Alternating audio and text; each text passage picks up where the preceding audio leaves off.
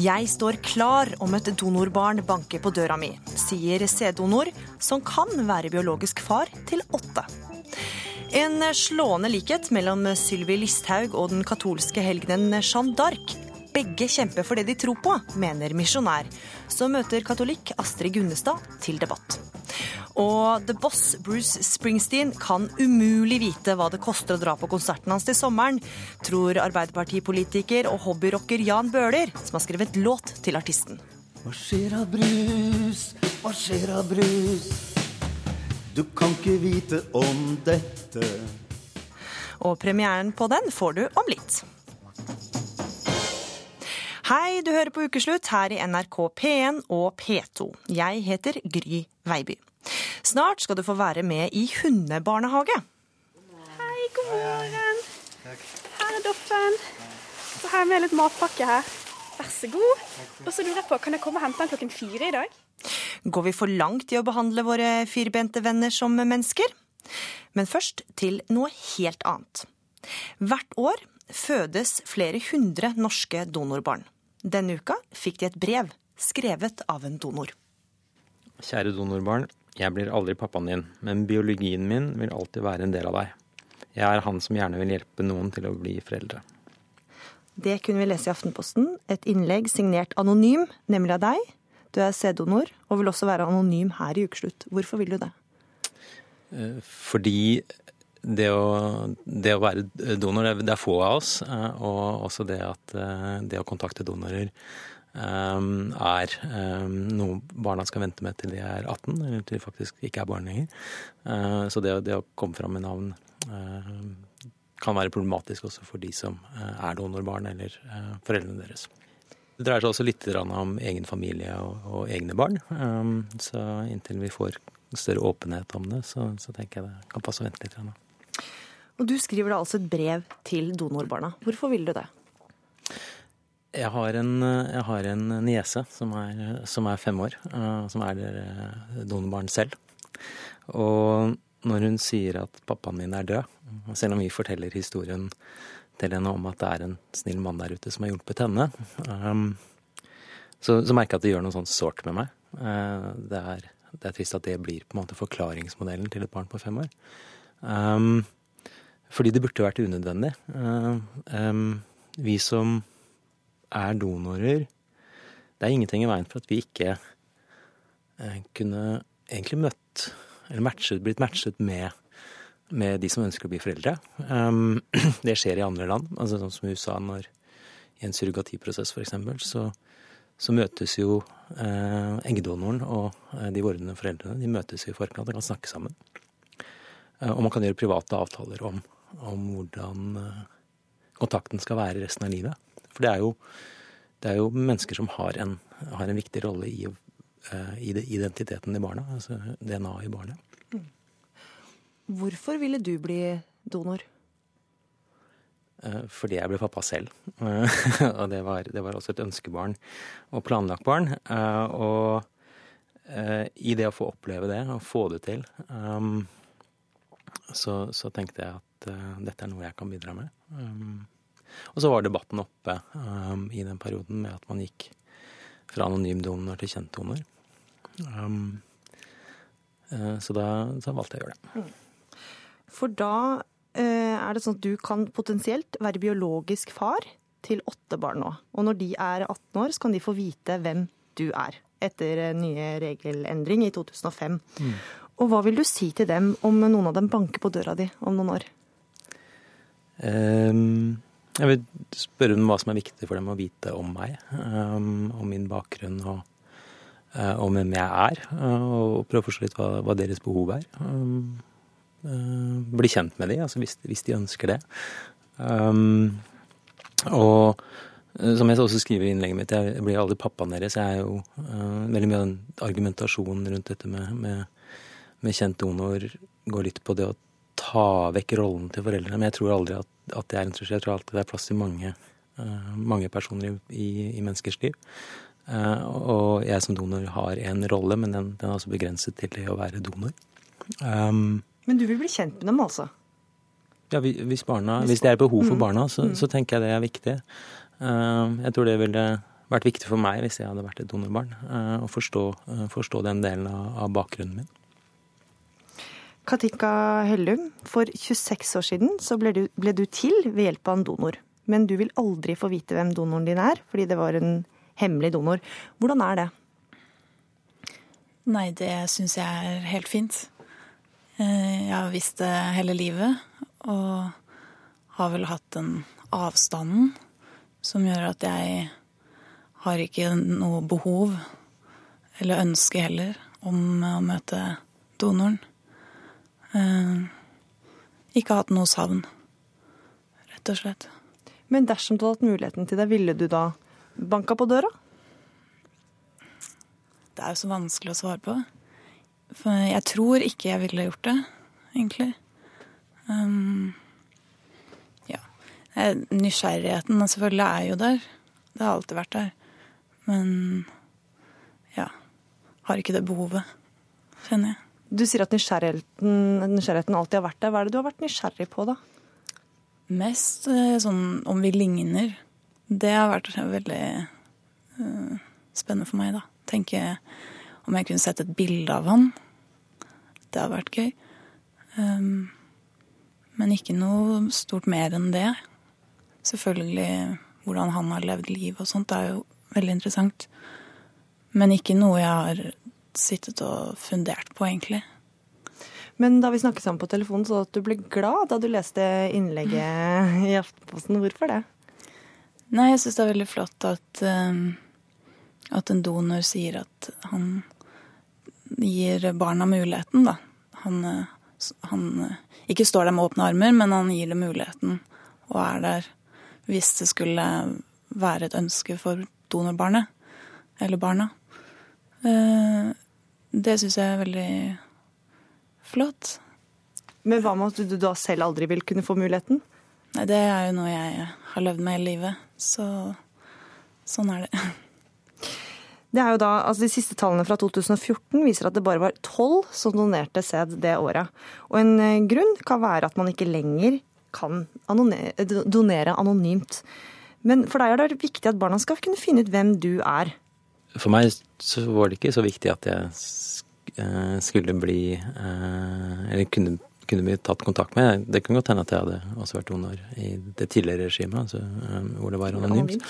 Um, men det, det var ikke noe barriere um, for meg i å gjøre det. Um, jeg tror tallene rundt antallet donorer uh, Det dreier seg veldig mye mer om bevissthet. Jeg tror ikke, altså, Det er ikke noe menn snakker om. Det er, um, det er veldig sånn tabu. Så jeg syns det å få opp debatten og, og, og øke bevisstheten om, om det um, kan være en, en måte å, å få, til, så, få til flere donorer. Så jeg tror ikke det er en barriere, dette med, med med kjent donor tror jeg ikke er en barriere nødvendigvis for antallet donorer. Um, Tror du det? At eh, hvis man, Burde man tillatt anonym donor igjen? For å Kunne man fått flere da, tror du? Ja, det regner jeg med vi hadde fått. Um, absolutt. Men åh, det er vanskelig, altså. Det er jo det. Jeg selv er eh, på en måte for begge deler. Ettersom jeg selv eh, fra mitt ståsted har levd så fint med en anonym donor, så ser jeg ikke så mye negativt i det. For da handler det mer om uh, rammene du har i oppveksten, da. Og det Ja, hvis det er utgangspunktet ditt. Har du trygghet eh, og kjærlighet og omsorg, eh, det spiller så mye mer rolle enn biologi. Så jeg, jeg tror at det viktige er å ikke frarøve barna muligheten fordi, for de som det betyr mye for, uh, um, og, og kunne finne ut av det. Um, og, så derfor uh, Og så tror jeg at samfunnet forandrer seg også. Jeg, jeg tror at um, for 40 år siden så, så var, uh, var, det noe Vi hadde andre familieverdier, og, og vi, hadde, uh, vi hadde helt andre forhold rundt genetikk og, og, familie enn det vi har i dag. Sånn at det å, uh, det å gjøre en litt større innsats i forhold til å, å, å prøve å rekruttere og, se hvordan det virker, tror jeg absolutt gjør at, at man kan skaffe flere kjente donorer. Men du har jo selv egne barn. Ja. Er du redd for at uh, de kommer til å treffe donor, uh, de du har gitt, altså donorbarna en gang i framtida? At uh, kan, de kan treffe søsken som de ikke visste at de hadde? på en måte? Nei, det er jeg ikke redd for. Jeg kommer også til å være åpne med mine barn om dette.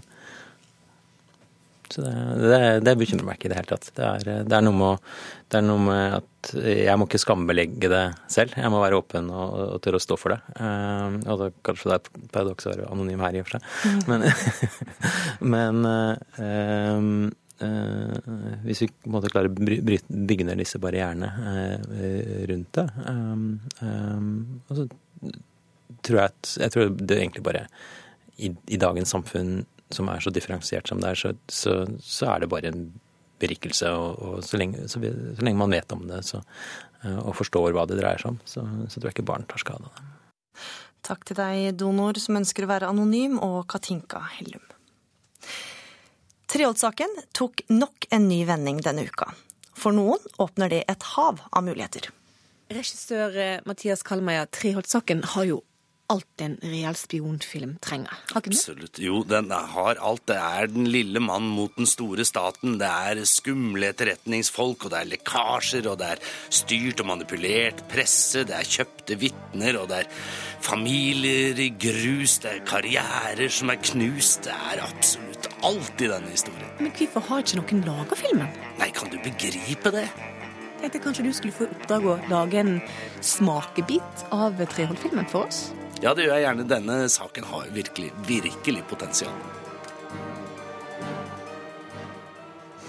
Og filmen om Treholt får du snart her på radio. Der, ja. Å, den var gøy. Å, den var gøy. Ja, den var fin. Du er så sterk, du. Å, du sover godt, du. Spa, frisør, psykolog, pedikyr og hundebarnehage er bare noen av tilbudene kjæledyrene våre kan boltre seg i. Vi nordmenn bruker 10 milliarder kroner i året på våre firbeinte venner, kunne bladet Dine Penger fortelle denne uka. Ukeslutts reporter Åsa Vartdal dykket inn i dyrenes verden for å finne ut om vi har gått for langt i å menneskeliggjøre dyra våre. Skal du inn i barnehagen? Er du fornøyd? Skal jeg levere Doffen i barnehagen, og så skal jeg på jobb. God morgen. Hei, god morgen. Den svarte frakken ligger varm rundt de hvite krøllene til Doffen. Det er en kald morgen på Majorstuen i Oslo, og Laila Arnesen tar farvel med den lille bichot-friséhunden sin. Ja, ha det godt. Ha det godt. For 3000 kroner i måneden får Doffen være i barnehagen tre dager i uken.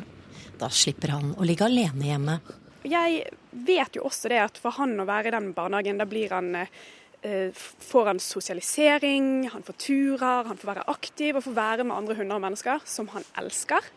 Så når jeg da henter han, så er han glad og fornøyd, og så slipper jeg å ha dårlig samvittighet. Å, da var det godt å bli klødd. Ja, du er så sterk. Inne på Citydog Daycare er Linnea Holmgren og hundene i gang med leken.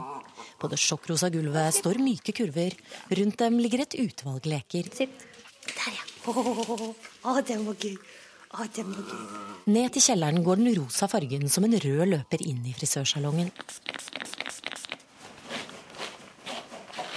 På et høyt bord står lille Tiffany med den hvite pelsen full av rosa papiljotter. She has her coat all wrapped in small papers, so first I have to take them off, brush the coat, and then get the dog to the bath.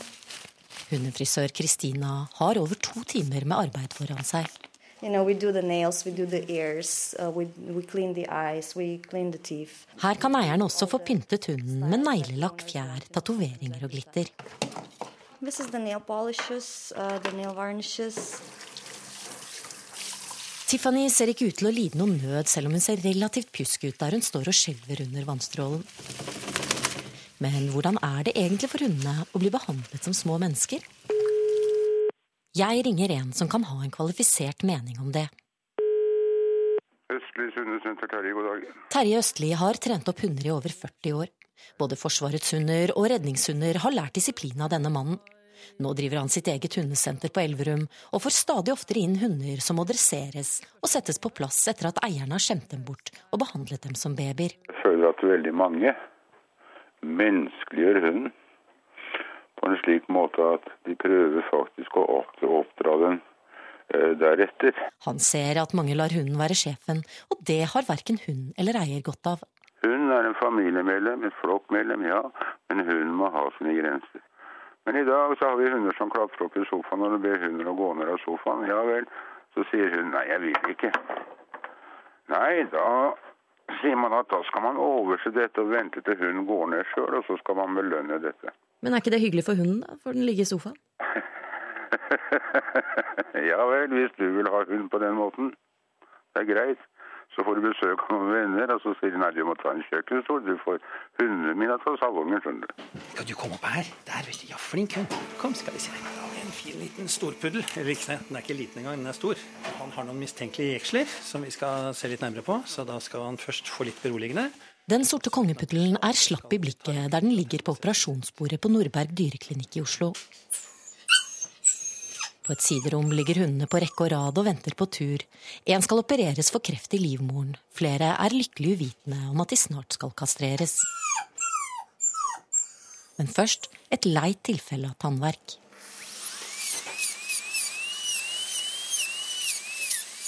Så det vi gjør da, er at vi lager et lite vindu i tannkjøttet her. Så freser vi bort litt kjevebein på utsiden her. Splitter denne tannen i flere deler, sånn at vi har enkle røtter. Og så tar vi ut én og én rot. Det vil koste eieren minst 5000 kroner. En utgift som nok ville vært helt utenkelig for mine besteforeldre. Men veterinær Geir Erik Berge mener måten vi behandler dyrene på nå, er et tegn på at sivilisasjonen går fremover. Altså, det var mye verre å være dyr før. Mennesket har hatt lite empati med dyrene og lite forståelse for hvordan dyrene har det. Og mennesker har jo behandlet dyrene bestialsk opp gjennom historien, og mange steder i verden gjør de det fortsatt. Og det å anerkjenne at dyr er enkeltindivider som har glede av livet og har en jeg-bevissthet og en jeg-følelse, er viktig å være klar over. Og det skal jo ikke så mange årene tilbake eh, for man opererte spedbarn uten bedøvelse fordi man trodde at de kjente jo ingenting. Og I dag vet vi at de kjenner like mye, og vi vet at dyrene opplever smerte på akkurat samme måte som de gjør hos oss. Og De opplever redsel på samme måte som oss, og de opplever frustrasjon som oss, og de opplever glede og livskvalitet som oss. Sånn. Nå skraper jeg ut det som er av råttent inni denne brønnen som tannen har sittet i. Den er var veldig god å få bort. Det at vi bruker 10 milliarder kroner i året på kjæledyrene våre, er ikke nødvendigvis så vanvittig som flere tenker, mener Berge. Mange sier at det er galskap å bruke 40 000 på en hund. Det er ingen som syns det er galskap at far bruker 49 000 på Birken-sykkelen før eh, Birkebeineren. Kosmetikk hårfarge omsetter vi for omtrent det dobbelte av det vi bruker på kjæledyrene våre. Og ser vi samfunnsøkonomisk på det, så er jo det å ha dyr med på å øke livskvaliteten, bedre helsen, holde folk utenfor psykiatrien, holde folk i form på en måte som gjør at de ikke får hjerteinfarkt. Eh, slik at totalbudsjettet er nok eh, veldig pluss med tanke på kjæledyr. Mange som mener at kjæledyr burde vært på blå resept. Kan du legge deg ned? Mm. Sånn, vet du. Men også han mener det er viktig å ikke behandle dyrene som mennesker. Altså, Du må gjerne henge en diamant på hunden din hvis du har glede av det. Hunden tenker ikke over det i det hele tatt. Men du skal ikke gjøre ting som setter begrensning for dyrets livskvalitet. Sånn at det å kle på en masse, masse klær som ikke passer, skal man ikke gjøre og late som den er en dukke. Da kan du bruke en dukke isteden. Hei, lille venn. Har du hatt en fin dag, skjønningen? Tilbake i hundebarnehagen har klokken blitt fire, og Doffen er henta. Altså, du har hatt en eh, aktiv dag i dag, lille venn. Et av dagens høydepunkter både for Doffen og matmor Laila, som ikke syns det tipper over, selv om hun bruker noen titusener i året på hunden. Vet du hva, Doffen betyr veldig mye for meg. Um, er, man kan jo bli litt latterliggjort, og jeg er jo mot det å gjøre hunder til eh, små menneskebarn. Men jeg føler likevel at det å, det å anskaffe en hund, det er en langsiktig uh, commitment. Og uh, du blir utrolig glad i, i hunden. Eh, så, så det at han har det bra, det betyr veldig mye. Og han gir veldig mye tilbake også. Ja. Så nå forteller han, da kan du se. Jeg liker egentlig å ha et språk der jeg kan kalle en spade for en spade. Jeg har alltid vært skrudd sammen sånn at jeg går rett på sak og jeg sier hva jeg mener. Og det tror ikke jeg er noe jeg kommer til å slutte med heller, for det er bare sånn, sånn, sånn jeg er. Innvandrings- og integreringsminister Sylvi Listhaug har fått mye pepper for uttalelsene sine om godhetstyranni, gullstoler, og for å si at alle som sier de ikke er bekymra for barna sine, lyver. Denne uka sa statssekretær Astrid Nøkleby Heiberg at hun syns Listhaug blir mobba. Men noen går lenger, og det er deg, Gerhard Ord. I et innlegg i den kristne avisa Dagen sammenligner du Sylvi Listhaug med Jeanne d'Arc. Du skriver at det rett og slett er en slående likhet. Hvor er likheten der, mener du? Ja, likheten er med de kvalitetene som, eh, som eh, Jeanne d'Arc eh, viser, og som jeg også ser, ser hos Sylvi Listhaug. Hun er målbevisst, hun er modig, selvoppofrende hun er ærlig, kaller en spade for en spade, og er uredd til å følge sitt kall. Vi skal eh, ta et lite tilbakeblikk med Jeanne d'Arc, som altså ledet Frankrike i kamp mot England på 1400-tallet, fram til hun til slutt ble tatt til fange og brent på bålet. La oss høre litt fra filmen med Mila Jovovic i hovedrollen. God had given me a message. A message to deliver. Follow me! Go home! Go now! In peace! Who are you to even think you can know the difference between good and evil? Ja, her hører vi Jeanne d'Arc, som hevder hun hørte stemmer fra oven og også fikk åpenbaringer. Tror du det samme gjelder Listhaug? Du, Det kan jeg ikke uttale meg om. Det er noe helt personlig. Astrid Gunnestad, du er katolikk, og i den katolske kirken så er Jeanne d'Arc en helgen. Hva syns du om eh, sammenligninga? Nei, den er jo mer enn merkverdig, det må jeg virkelig si. Og der har jeg lyst til å spørre deg, Gerhard. Altså, du vet jo at dette var under hundreårskrigen. Altså, Jeanne d'Arc kjempet faktisk mot en krigsfiende. Ser du at de innvandrerne som kommer til landet her, altså de som kommer med en liten koffert og har forlatt alt her i verden, at de på en måte skal ses på som krigsfiende? Du, det er slik at eh, det er fare overalt, og det viser seg at blant disse eh, flotte mennesker som kommer, så er det helt tydelig at det finnes noe som heter ISIS. Det er noe som alle vet i dag, at er, vi er blitt advart til og med fra land som de kommer fra, at her må vi være forsiktige og slippe ikke inn hvem som helst. Det skal være en kontrollert innvandring. Og hvis vi slipper tøylene, slik som de har gjort i Tyskland og i Sverige, så kan det bli uholdbare tilstander her i landet vårt. Jeg er ganske drittlei av at man farver alle muslimer som ISIS-tilhengere. Altså, det syns jeg er helt forferdelig. Her er det snakk om over 30 000, og så Ja, la oss si at det er to eller tre da som ikke er helt bra. Vi har ikke lov til å trekke alle over én kam. Det er så stygt. Og uh, her må jeg si at du som da jobber eller uh, lite grann i dagen, du burde jo kjenne din bibel. Og i Matteus kapittel 25 så står det det burde du kjenne, jeg var en fremmed, og du tok ikke imot meg. Og dette er altså så stygt når man snakker om sånn som er referert nå, de kommer inn på gullstol, og de skal yte og ikke, sy og, og ikke syte. Altså, unnskyld meg, hvordan tror man at man kan nyte når man kommer til Norge uten noe som helst? Men, men Gunnestad, Sylvi Listhaug er jo kjent som en politiker som sier det hun mener, og ikke nødvendigvis er redd for å ta opp, eh, for ikke å være politisk korrekt. Er det ikke litt Jeanne d'Arc-takter over det, da? Og... Det, nei, vet du hva, jeg syns ikke det kan sammenligne. Og du vet det at det som Lysthaug gjør, det er jo å skremme folk. Og du vet, redde mennesker kan bli farlige. Og hun gjør ikke annet enn å snakke om det jeg blitt tatt opp i avisen ganske nylig også, at hun sier hun er redd for barna sine, hun er redd for dit og redd for datt. Og det er klart at det sitter mange mennesker rundt i landet her som syns dette er skremmende. At hun er så skremt! Jeg skal bare presisere at vi har spurt Sylvi Listhaug om å være med, og hun hadde ikke anledning til det ord. Nei, men jeg, er slik, jeg ser at når jeg følger med i dagspressen, når jeg følger med det som skjer i Tyskland og Sverige, da kan jeg rett og slett ikke forstå at, ikke, at ikke alarmen går for denne utviklingen som er i gang. For du mener også at Listhaug blir mobba? Listhaug blir mobbet. Hun blir grovt mobbet av men... mange forskjellige eh, politiske partier. Biskoper har jeg lest noe om. De kommer i uttalelsene om at hun er nærmest en fare for landet, mens hun går inn for å beskytte landet mot denne vanvittige, ukontrollerte innvandring. Hun, hun, er også den eneste sittende ministeren som har fått et demonstrasjonstog til støtte for seg, og det er vel heller ikke så mange ministre som blir sammenligna med helgener, så hun er jo ikke helt uh, alene. Og hun snakker på vegne av regjeringa, så nå har vi jo mange støttespillere også. Ja, Det er kjempefint, og det gleder jeg meg over at det er så mange uh, mennesker som uh, ikke deler dette dette synet som vi hørte her i stad, men som ser farene, og som, eh, som er begeistret for en minister som står for det hun tror på. Man når- snakker na- til og med om å sperre folk som kommer til landet inne. Altså Det er imot menneskerettigheter og alt. altså Det går så langt. altså Alle i dette landet tror jeg er enige om at de som kommer som migranter og ikke har noen reell oppholdstillatelsesgrunn, de bør sendes ut hvis man kan.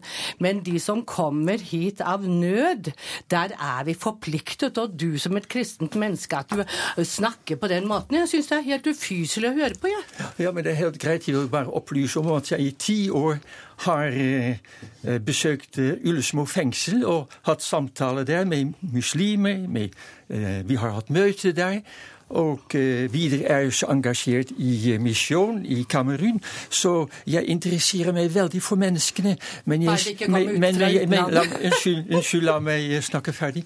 Eh, jeg interesserer meg veldig for mine medmennesker. Jeg har gjort dette her på fritid. Nå, akkurat nå er jeg an, eh, jobber jeg i et evangeliesenter og er med på å gi narkomane en ny fremtid. Og det er jeg veldig glad for at jeg kan være med på en slik aktivitet, uten at jeg skal bli stor på det. Men jeg mener det skal kontroll til. En regjering har som første ansvar å beskytte befolkningen. Og vi ser at i Tyskland det er helt dumt å lukke øynene sine for for de farene som er. Og jeg sier Sylvi Listhaug hun er den rette kvinne på det rette sted og på det rette tidspunkt. er Som hun. Jeanne d'Arc. Kort kommentar til det, Gunnestad. Ja, nei, altså dette med Jeanne d'Arc tilbake, jeg syns at jeg er så eh, borti gampeskogen at jeg kan ikke få sagt det. Men altså, hver sin, tin- sin tro, hadde jeg nær sagt. Men vi må oppføre oss anstendig. Dette dreier seg om hvem vi vil være, og vi kan ikke behandle dem som kriminelle når de kommer til Norge. Det kan vi faktisk ikke. Helt kort til slutt, Gerhard Ord. Du skriver også 'la oss huske på henne i våre bønner', oppfordrer du om i kronikken din. Hva skal til for at også Sylvi Listhaug blir en helgen?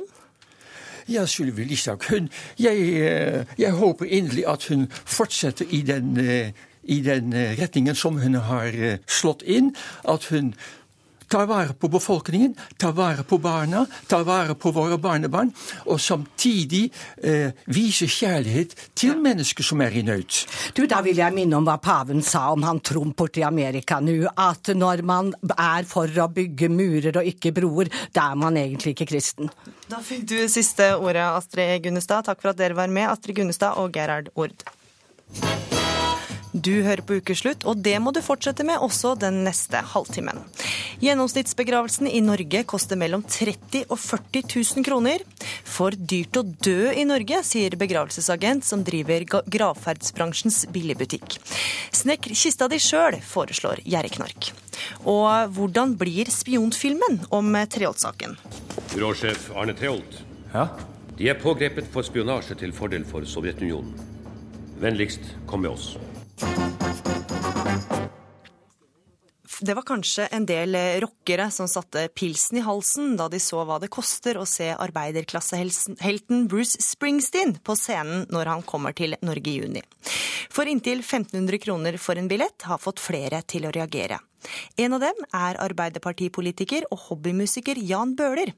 På bare et døgns varsel og innimellom jobbing på Stortinget tok Bøhler på seg oppfordringen fra Ukeslutt om å lage en låt til rockelegenden. Hva skjer av brus? Hva skjer av brus? Du kan ikke vite om dette. Du som er selve the working life, som har vært i the badland sjøl. Og synger for oss som vil derfra, som var så born to run. Som forsvant i dancing in the dark og gikk igjen i my hometown. Beit tenna sammen til no surrender, sleit oss løs til Independence Day. Tok det ut racing in the street, the hungry heart, the ties that bind. He crush you, the price you pay. Blinded by the light, the price you pay. Hver den brus vi kjenner, verdens brus vi kjenner. De som du synger om, må ha råd til å komme og høre på. Vis oss hvor du kommer fra, spill på granitrock en vakker dag.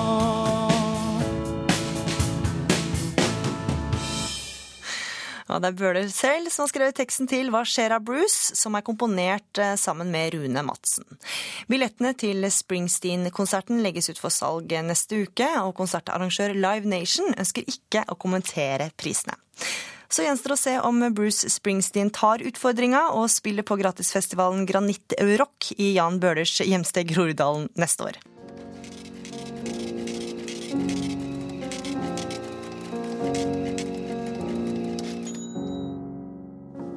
Ja, mens tårene renner, går takstameteret. For det kan bli dyrt å dø.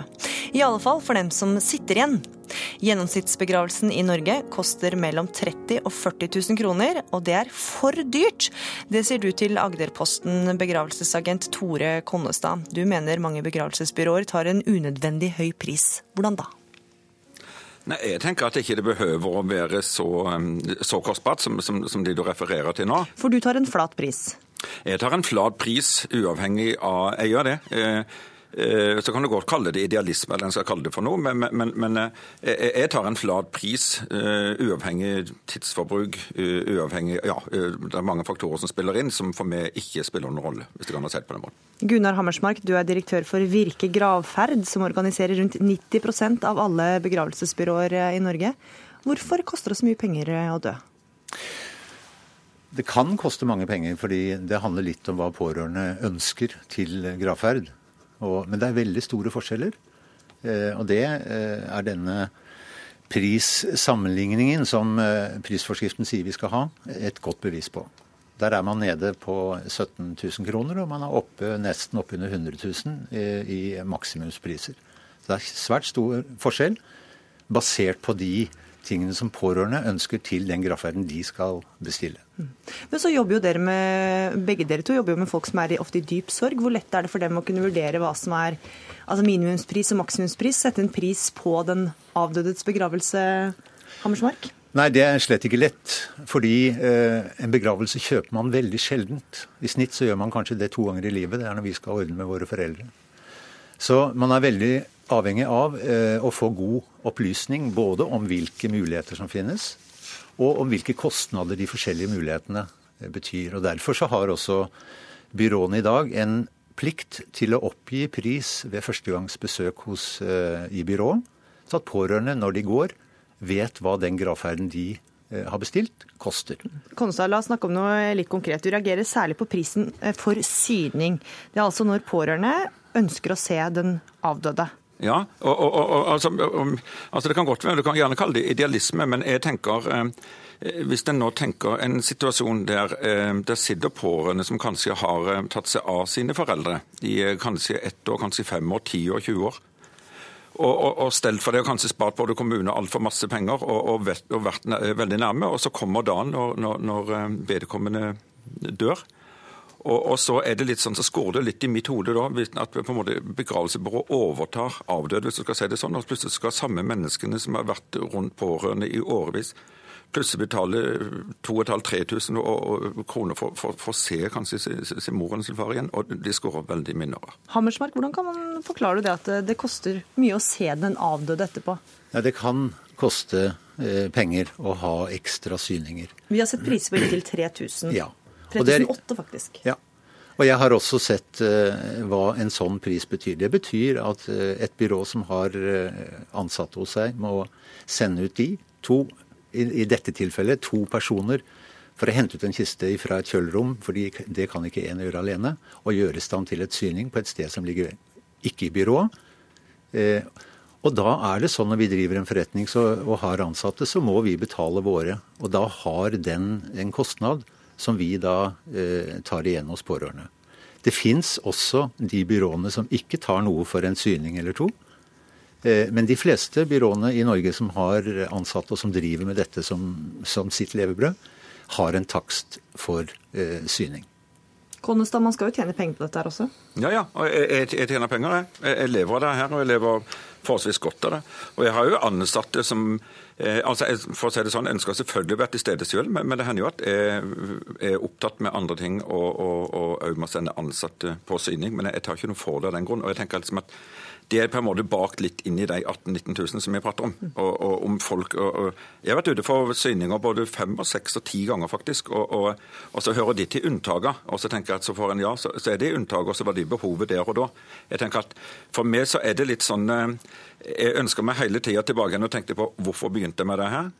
Eh, jeg starta ikke Rema 1000-butikk. Eh, jeg starta no, no, altså rett og slett for, for å, å å få lov til får jeg si, å, å møte mennesker i den, i den, situasjonen de er i, og, og syns det er interessant. Og, og håper og tror selv at det kan få lov til å være noe for noen i en vanskelig situasjon. Vi skal avslutte med tips fra en profesjonell gjerreknark, nemlig Rune K. Nikolaisen, som driver nettstedet gjerreknark.com, som har følgende råd for å holde prisene nede. Tips nummer én. Kontakt begravelsesbyrået i vanlig arbeidstid. Ikke på sønn- og helligdager. I helgene skal man jo ha helgetillegg, f.eks. Tips nummer to. Ja, det må jo være å skaffe billigst mulig kiste, det, enten man skal begraves eller kremeres. Det er utrolige variasjoner. Jeg har vært borti helt fra, fra mellom 3000 og 40 000 kroner for ei kiste.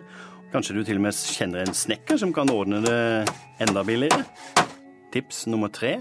Unngå dødsannonse i avisa. Man kan jo gi beskjed til venner og bekjente på, på mange forskjellige vis, men behøver ikke betale i dyre dommer for å sette noe i avisa. Tips nummer fire. Unngå fancy pynting i kirka eller kapellet. Kan man kanskje engasjere de yngre i familien til å sanke blomster langs veikanten? Lupiner er veldig fine. Det er rett og slett hva kan man ordne selv? Tenne et lys, det klarer man vel, i stedet for å la begravelsesbyrået fakturere for det. Tips nummer fem. Lag programheftene eller sangheftene sjøl. Det blir mye mer personlig. Og det er alltids noen datakyndige i familien som kan snekre sammen et godt dokument som man kan kopiere opp sjøl. Tips nummer seks. Ikke leie inn solister eller musikere. Hvis du sjekker litt i familien din, så har du kanskje noen som kan synge litt eller spille et instrument. Og det sparer en fort en tusenlapp eller tre på. Tips nummer syv. Ja, Det er rett og slett å skrive testamentet og beskrive hvordan begravelsen din skal foregå. Da bør man snakke med de pårørende. Hvordan vil du sjøl ha det? Det samme gjør jeg jo sjøl også. Jeg har allerede søkt Fylkesmannen om å få asken min spredd på åpent hav utafor der jeg kommer fra, sørlandskysten. Ja, Konnestad og Hammersmark, vil dere gå konkurs etter disse tipsene? Nei, altså vi opplever faktisk i dag at en del pårørende ønsker å gjøre deler av gravferden selv. Mm. Så, så, dette er ikke ukjent for oss. Jeg syns det er veldig flott hvis, hvis pårørende kan delta. Og, og som jeg sier jo at som, som man sier her i det innslaget, at sangprogram og alle sånt, selvfølgelig så kan de, så, så, så, så oppfordrer faktisk mange til, til, til, å gjøre det. det altså Der en skjønner at det, er, at det er noen datakyndige i familien. Og, og, det er en del ting som som, som pårørende kan gjøre. Men jeg har jo inntrykk av at vi kanskje har fjerna oss, dessverre får jeg si, litt ifra døden. At det går nå litt sånn automatikk i, i å kontakte begravelsesbyrå. Det var ikke sånn bare for ti år siden.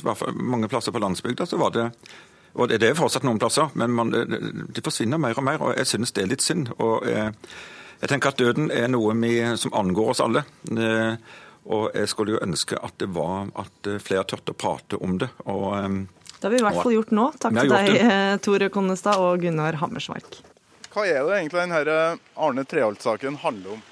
Det er spionasje, er ikke det? Du vet, Jeg er ikke helt sikker. Vet du hva peiling, altså. Var det ikke en familie som bodde på en gård? Det jeg tenker alltid feil. Kanskje jeg ikke kan forklare det. Det er jo litt flaut egentlig da, å ikke vite det, når det er så mye om det i media. Jeg har sett navnet en del ganger, men jeg har ikke klikket meg inn på saken og lest. Jeg har ikke så veldig lyst til å svare på det. Nei, jeg følger ikke med noe som spesielt interesserer meg ikke i stor grad. Vet du hvem Arne Treholt er? Nei, har ikke hørt om han engang. Hvis det har kommet en film da, som har forklart hele ja. greia? Ja, en femminutters uh, En informasjonsfilm. Ja, altså, Jeg vet ikke hvem han er, men uh, jeg liker jo spionfilmer. Uh, James Bond, liksom. Ja, det hadde kanskje gjort seg med en film om Arne Treholt, for historien bare fortsetter og fortsetter.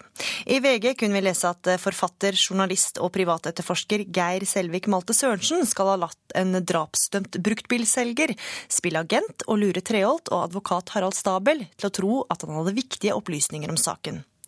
Tidligere i sendinga utfordra reporter Sara Victoria Rygg regissør og skuespiller Mathias Kallmeier til å lage en smakebit av spionfilmen om Treholt.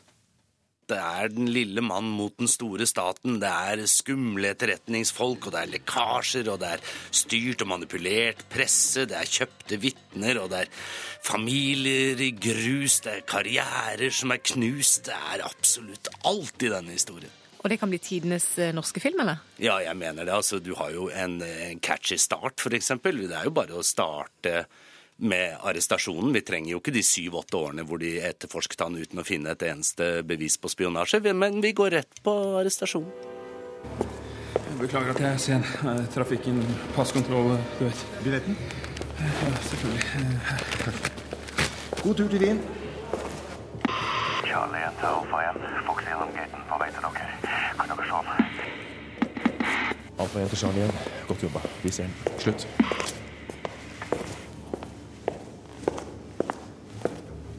Byråsjef Arne Treholt. Ja? De er pågrepet for spionasje til fordel for Sovjetunionen. Vennligst kom med oss. Men her blir jo Treholt arrestert. Da er jo filmen over, da. Ja, det kunne man jo tro fordi at han tilsto jo først.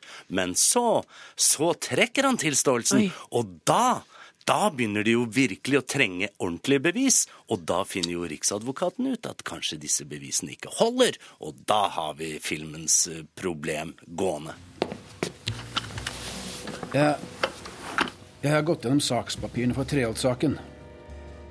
Jeg ble forsikret om at han hadde topp sikret papirer fra Forsvarets høgskole, og at han hadde innrømmet å ha overlevert dem til KGB i Finland og Østerrike. Ja, det er vel det han i hovedsak er mistenkt for. Etter å ha lest avhørene og sett dokumentene så langt, er det lite som tyder på at det kan tiltales etter paragraf 90, altså landssvikerparagrafen. Ja, Vi har bare så vidt begynt å gå gjennom arkivet hans, men vi har nok på ham til å bruke paragraf 90.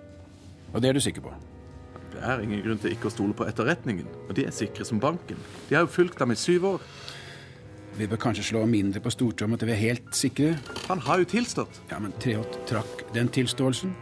Og da, vet du, da er det at det dukker opp kreative sjeler i etterretningen og prøver eh, noe som dette. Jeg har hørt fra Riksadvokatens kontor, og de sliter litt med dokumentasjonen vår. Jaså, nei, det er ikke bra. Nei, ikke sant? Vi har jo funnet penger i disse konvoluttene i kofferten til Fox, ikke sant? Du husker det? Ja, ja, ja, ja. Både dollar og andre sedler. Men det står liksom ikke spesifikt hvor mye og når i rapportene våre. Nei, men vi tok jo bilde av dem. Ja, og de ble ikke så bra. Og vi ser ikke skikkelig hvor mye det er der. Nei, men det var jo ikke penger vi så etter heller. Men eh, nå er visst disse pengene blitt veldig viktige. Så jeg skulle ønske at vi hadde noen rapporter og bilder som var tydeligere. Noe slikt vil jeg aldri gjøre. Nei? Nei. Er du helt sikker på det? Ja, Det er et grovt brudd på reglene. Kanskje til og med ulovlig. Ja, det er godt å høre at du tenker slik. Ja, men storartet. Ja. Ja, Da var det ikke noe mer. Nå kan du ta ut overtiden din som avspasering og reise bort en stund. Og eh, husk taushetsplikten din. Oi sann. Fabrikkering av bevis? Ja, og ikke bare det, men man måtte jo også få kontroll på pressen, for nå hadde jo pressen været blod, og de er på jakt etter en skandale. Bunnen ut av Treholt-saken? Bare, Har du ikke folk i Arbeiderbladets redaksjon? Det er meget beklagelig, men artikkelen ble sendt til trykkeriet uten at de klarte å fange det opp. Ja, For noe slendrende. Hvem er journalisten? Det er en jypling, en stanghelle. Stanghelle. Ja, han må da ha det fra noen? Vi får tenne mottil. Jeg tar en diskré prat med vår mann i VG. Dette ordner seg. Ja, vi må ha kontroll på pressen, særlig den raddisgjengen i Arbeiderbladet. De må knebles. Vel, skal vi opp på redaktørnivå, må du og dine snakke med noen. Ja, ja, jeg skal ta meg av det. Og i og med at det nærmet seg valg, så var det jo kjempeviktig for høyresiden i politikken å få denne Arbeiderpartimannen dømt for spionasje, så de fortet seg å få ferdig alt til rettssaken. Lagdommere og legdommere er sikkerhetsklarert av oss. Det er bra folk. Ja, godt er det. De siste bevisene er solide. Jeg kan nesten garantere at han dømmes til livstid for spionasje. Til fordel for Sovjetunionen, ikke glem det. Og så er det jo endelig klart for rettssaken, og da skal vi ikke spare på noen ting. Da køler vi på med alt vi har. Svære schæferhunder patruljerer nå mellom tilskuerne. Politi på hester står langs gatene, og det er en skremmende stemning her. Nå hører jeg eh, sirener. Det tyder på at bilen med Treholt eh, er på vei. Der ser jeg politimotorsyklene komme først. De stanser, og væpnet politifolk åpner nå tinghusdørene. Der kommer bilen med Treholt. Den kjører i en voldsom fart. Og der bråstopper den. Dørene går opp, og ut kommer Treholt med håndjern på. De stopper, og pressen får nå sine bilder. Så drar de han mot dørene til tinghuset. Og så blir han jo dømt til 20 års fengsel, Treholt. Og da, da er filmen i slutt. Ja, han blir dømt, og det blir erklært et svik mot oss alle. Og det er jo da slutten på film nummer én. Men det er jo så populært med oppfølgerne, så jeg har allerede begynt å planlegge film nummer to. Fortell. Ja, nei, For eksempel så begynner jo nå alle vitner å tyte ut av skap og, og kroker, og da blir det gjenopptakelsesfilm. Ja, Har du materiale nok til enda en film? Å, det vil jo ingen ende ta, dette. Det største problemet nå er jo at de som holdt på med den saken, dør jo én etter én. Men det skal vi klare så lenge folk som Geir Selvik Malte Sørensen graver opp og lager nye skandaler hele tiden. Så jeg ser for meg både treer og firer og femmer. Og innslagene av den fiktive filmen til Mathias Kallmeier er henta fra NRK Radioteatrets sin oppsetning av stykket Foxtrott. Og da er det på tide med en værmelding, statsmeteorolog Christian Gislefoss. Det er det, vet du, og det har blåst veldig mye i fjellet i Sør-Norge tidligere i dag. Liten storm ble observert, på Dovre i hvert fall. Men nå er heldigvis vinden i minkning, så det går riktig veien. Vil nok fortsatt snø litt, så det kan nok fortsatt være litt vanskelige kjøreforhold i fjellheimen i Sør-Norge. Men ser vi på lavlandet i Sør-Norge, så vil det nå bli mindre og mindre snøvær på Østlandet og Sørlandet i hvert fall. Og det går mot oppholdsvær, kanskje litt lettere skydekke også. Vind fra sørvest, en liten kuling på kysten. Vestlandet her blåser det nok helt opp i en sørvestlig stiv kuling. Sørøstlig sterk kuling i Trøndelag, og det blir en dag med bygevær både på Vestlandet og i Trøndelag. Kan ende metoden på Vestlandet. I Nord-Norge her er det oppholdsvær. Fralandsvind, sørøstlig stiv til sterk kuling utsatte steder. Spitsbergen enkelte snøbyger. I morgen fordi oppholdsvær. Og Nord-Norge i morgen, her blir det en sørlig eller ja, sørøstlig stiv til sterk kuling. For det meste oppholdsvær.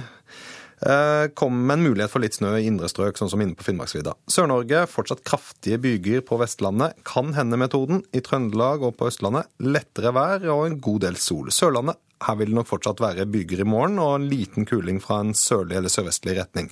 Og for dem som er i fjellet, så holder bygene seg stort sett på vestsida, og østsida får noe sol. Ukeslutt er slutt. Ansvarlig for sendinga var Torkil Thorsvik. Det tekniske ansvaret hadde Hans Ole Hummelvold, og her i studio var Gry Veiby. Ukeslutt kan du høre igjen, enten i reprise på Alltid nyheter klokka fire, eller når du vil, enten som podkast eller i NRKs nettspiller. Da er det bare å ønske alle en god helg.